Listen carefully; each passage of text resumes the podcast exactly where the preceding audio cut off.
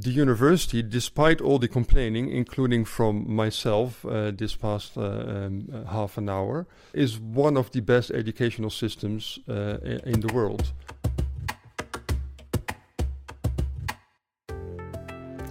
This is Out of the Box, a podcast by the Radboud Young Academy and Radboud Reflects on working in science and scholarship.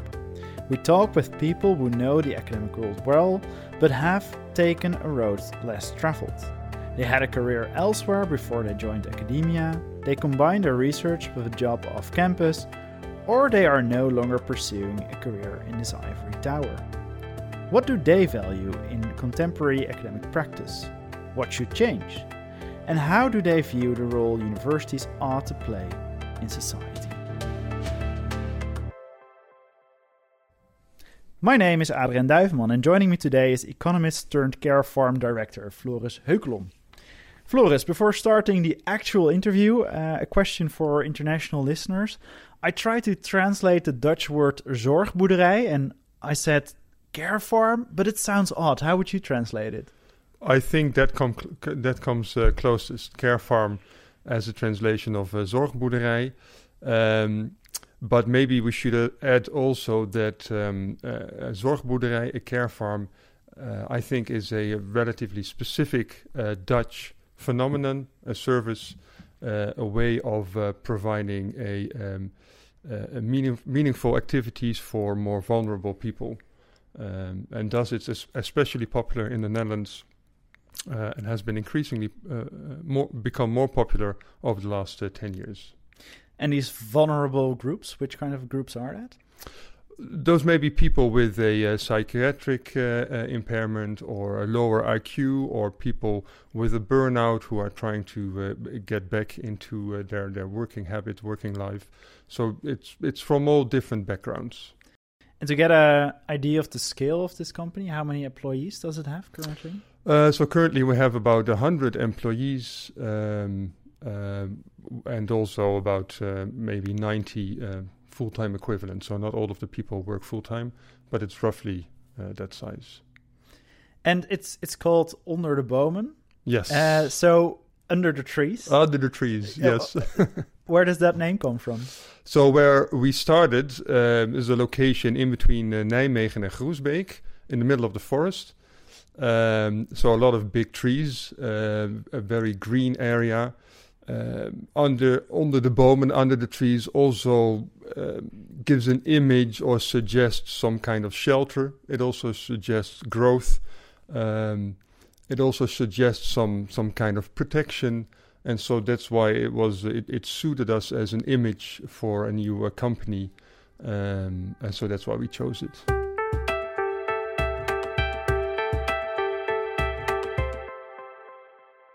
Before you uh, worked for this this company under the trees. Um, and you're also an owner of this company, right? Yes, that's correct. Uh, you you climbed another tree, the academic one. Uh, you were an assistant professor in economics. Can you tell me a little bit about the the things you did as an assistant professor in economics? Yes. Um, so um, I did a PhD in uh, uh, econom- economics at the University of Amsterdam, and more specifically, I did a PhD on the history of uh, of economics um, and on behavioral economics. Uh, and following a PhD, I applied for a job as an assistant professor uh, here at uh, Radboud University, where I started in 2008. And my uh, position um, involved both uh, teaching and research. So that's what I've been doing for uh, roughly 10 years.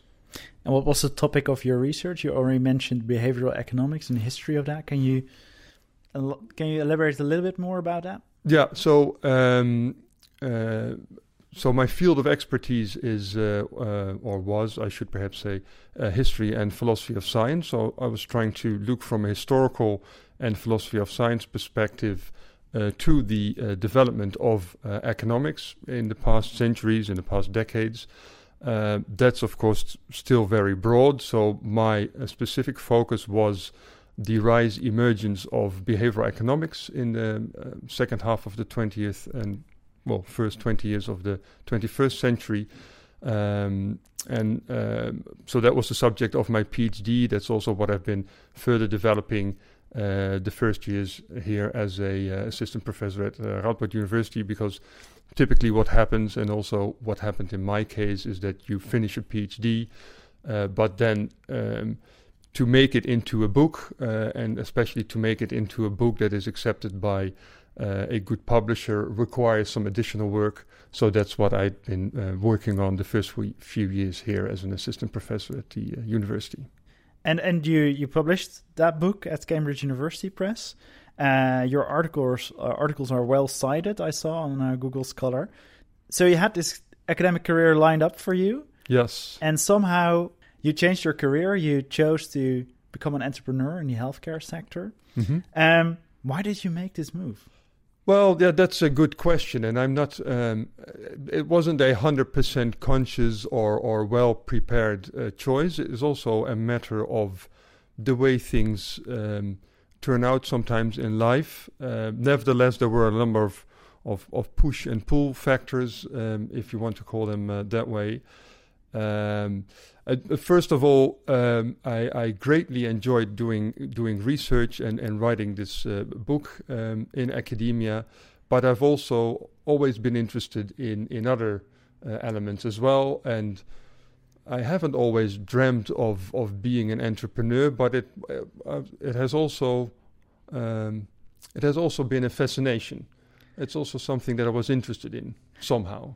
So you mentioned these push and pull factors. So to start with these pull factors, what was that fascination built on? Well, it's it's it's the the um, uh, at least for me then uh, the the the uh, idea of of the the dynamics of being an entrepreneur, the the the idea of being in the middle of society as opposed to observing society from the ivory tower of university. Uh, the uh, the idea of, of building something that is completely your own, uh, and that you completely can can direct from the start onwards. Uh, the idea also to contribute something meaningful to society uh, other than than teaching teaching and, and, research. So these were all kinds of uh, of, of, of, factors that. Um, uh, that were sort of passively active already uh, as an interest in my mind. I hadn't necessarily um, um, been working in that direction, but at some point a good friend of mine uh, um, was uh, thinking about starting his own uh, care farm. Um, we happened to have a good spot available and then so uh, it sort of naturally evolved into the idea oh i could be a part of this. I could contribute to this. And then it grew bigger and bigger and before i knew it i was out of university and into uh, the life of an entrepreneur. You said you wanted to be part of society not observing it from the ivory tower.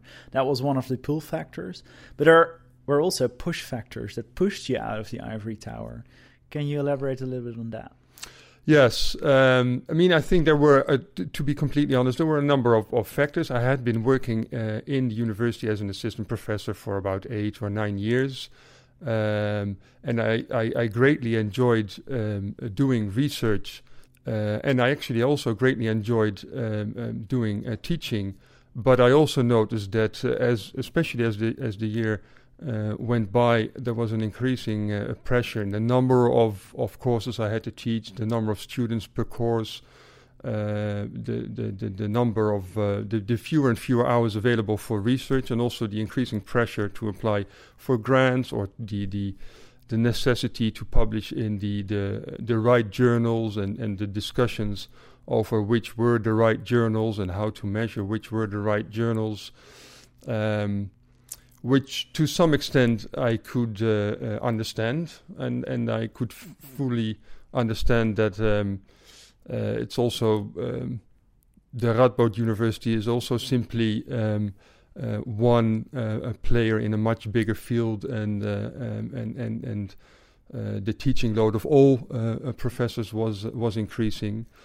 So it was not necessarily the determining factor, but it certainly was one factor that that sort of pushed me over the edge to to this to this new life of an entrepreneur.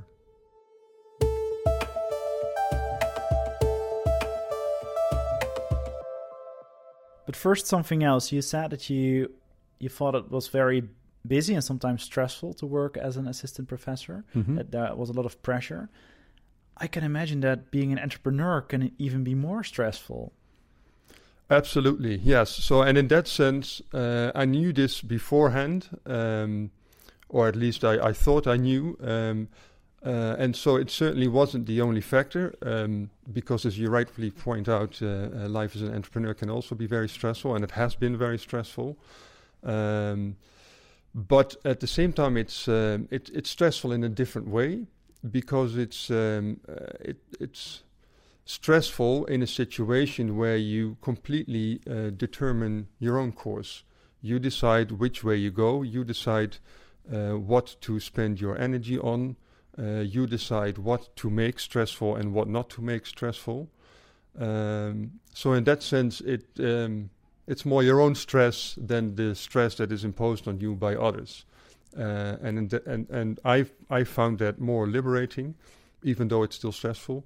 It's also different, uh, uh, stressful in a different way, and that at, at university I very much experienced that, uh, especially the last two or three years, I couldn't um, provide the, the the quality, especially in teaching, that I wanted to provide, and that's also a specific kind of stress that uh, I I really uh, disliked, and that was one of the maybe push factors um, that drove me out of university.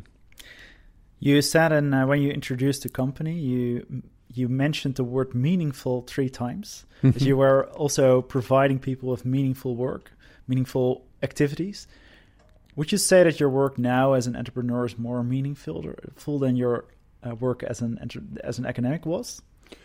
Um, no, not necessarily. I think it's um, it's meaningful in different ways, and it's meaningful to a different group. Because uh, to start with, the company um, that I have now, uh, there we provide uh, housing and a meaningful way of spending your life, uh, increasing your life happiness to a, a group of vulnerable vulnerable people in our society, and a um, a group of people that uh, find it increasingly difficult to operate in our society that is becoming more and more complex.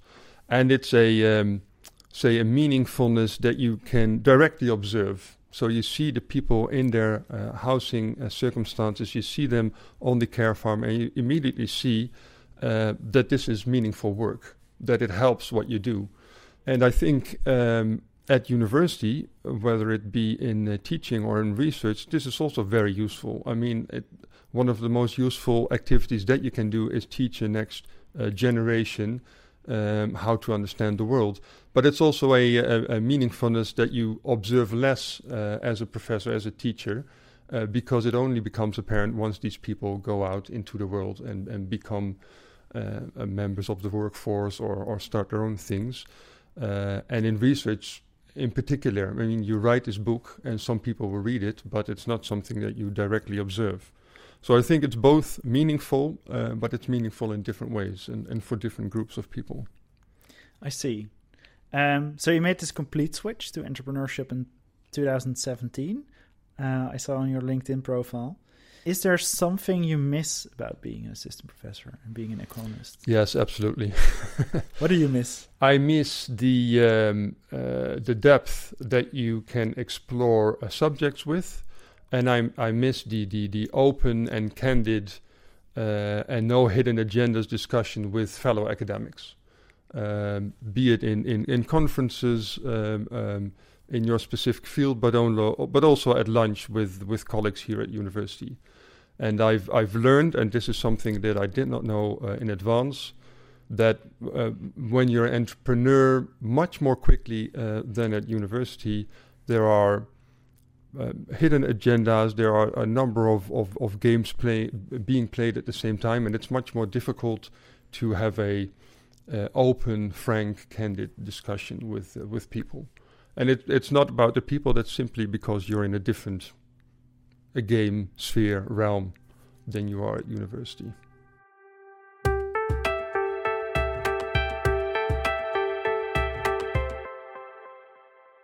Since you're now you you moved into the real world, so to say, so now you are also kind of an observer of academia. You can look back on it, and from that perspective, um, what do you think that university could learn from the healthcare sector? That's a deep and very broad question. Um, or the real world in general, yeah. entrepreneurship. Well, um, I th- well, I think that a lesson uh, to be learned both in healthcare and um, uh, in in in uh, in education at universities um, that can be can be learned from from entrepreneurship is maybe to uh, to to to trust the ingenuity, to trust the motivation, uh, to trust the professionalism uh, of the of the people who do the work, of the employees who do the work. Uh, that is, of course, all, a hallmark of all uh, entrepreneurs. You just start something. You you are intrinsically motivated. You want to achieve something. Uh, you want to make the world a little bit better.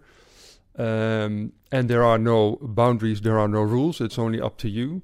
But in um, universities, not only Radboud universities, but I think this holds more broadly, but also very much in healthcare, there's a tendency to to control everything to organize everything in, into rules, into regulations, into contracts. Uh, that very much stifles the uh, intrinsic motivation and the professionalism of the people involved, and uh, and I think that is very much a, a pity. So I think this trusting this intrinsic motivation and uh, and professionalism of the people in, involved um, is something that uh, both universities and healthcare could very much learn from from the entrepreneurial spirit, so to say. It's it's hard to plan ahead. You also know that as a behavioral economist, but where will you what where will you be? You think in in ten years, uh, and where will your company be? I've learned that it's um, it's very difficult to predict, and I've also learned that um, uh, I'm also very good at predicting my own future inclinations and, and preferences and ideas. So um, uh, therefore, it's it's uh, it's a difficult question, and it's also very true what you say.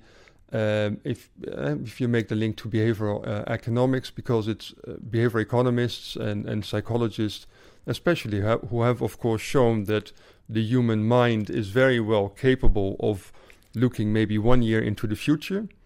Uh, maybe it's also to some extent capable of looking further into the future when it comes to uh, the the idea that you know that at some point there's a pension, you know at some point you are going to die, but everything in between is very much very difficult for the uh, for the human mind to encompass and to understand and to make uh, predictions about.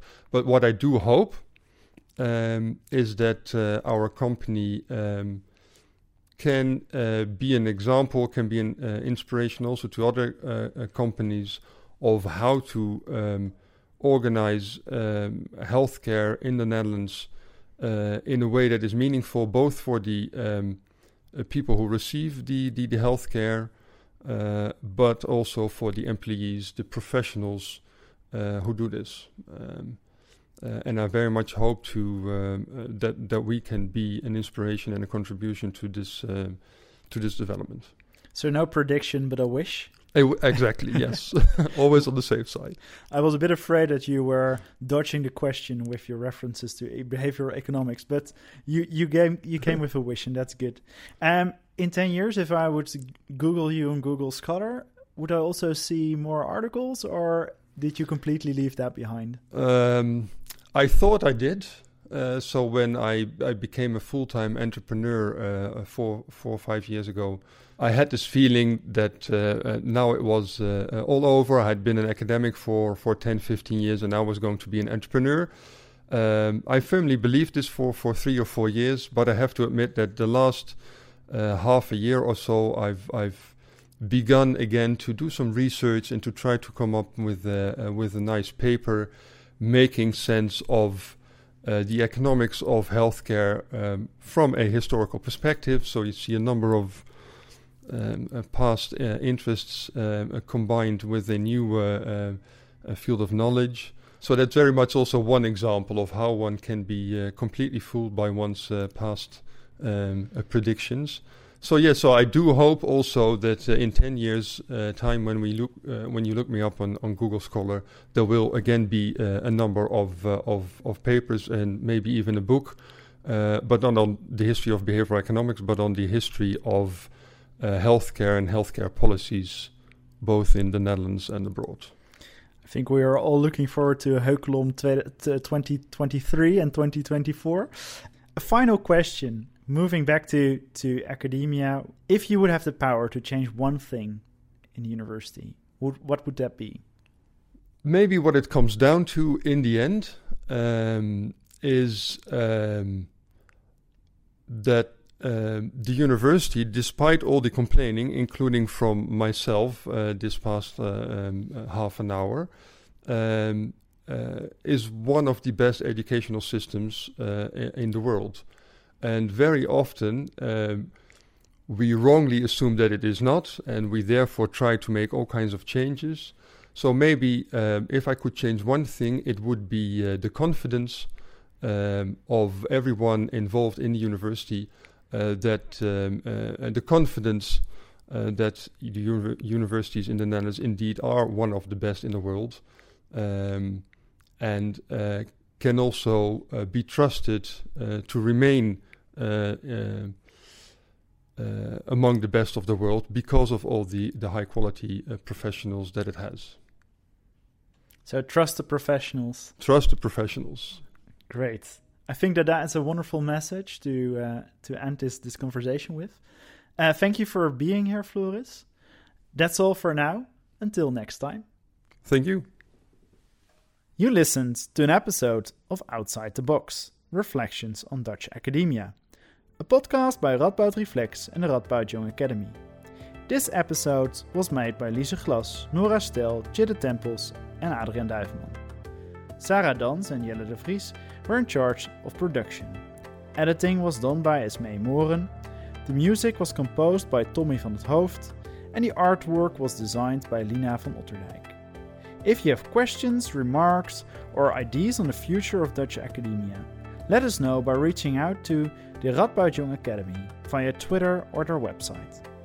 Should you want to reflect further on other scientific, societal, and political affairs, then be sure to follow Radboud Reflects on social media. That's all for now. Until next time.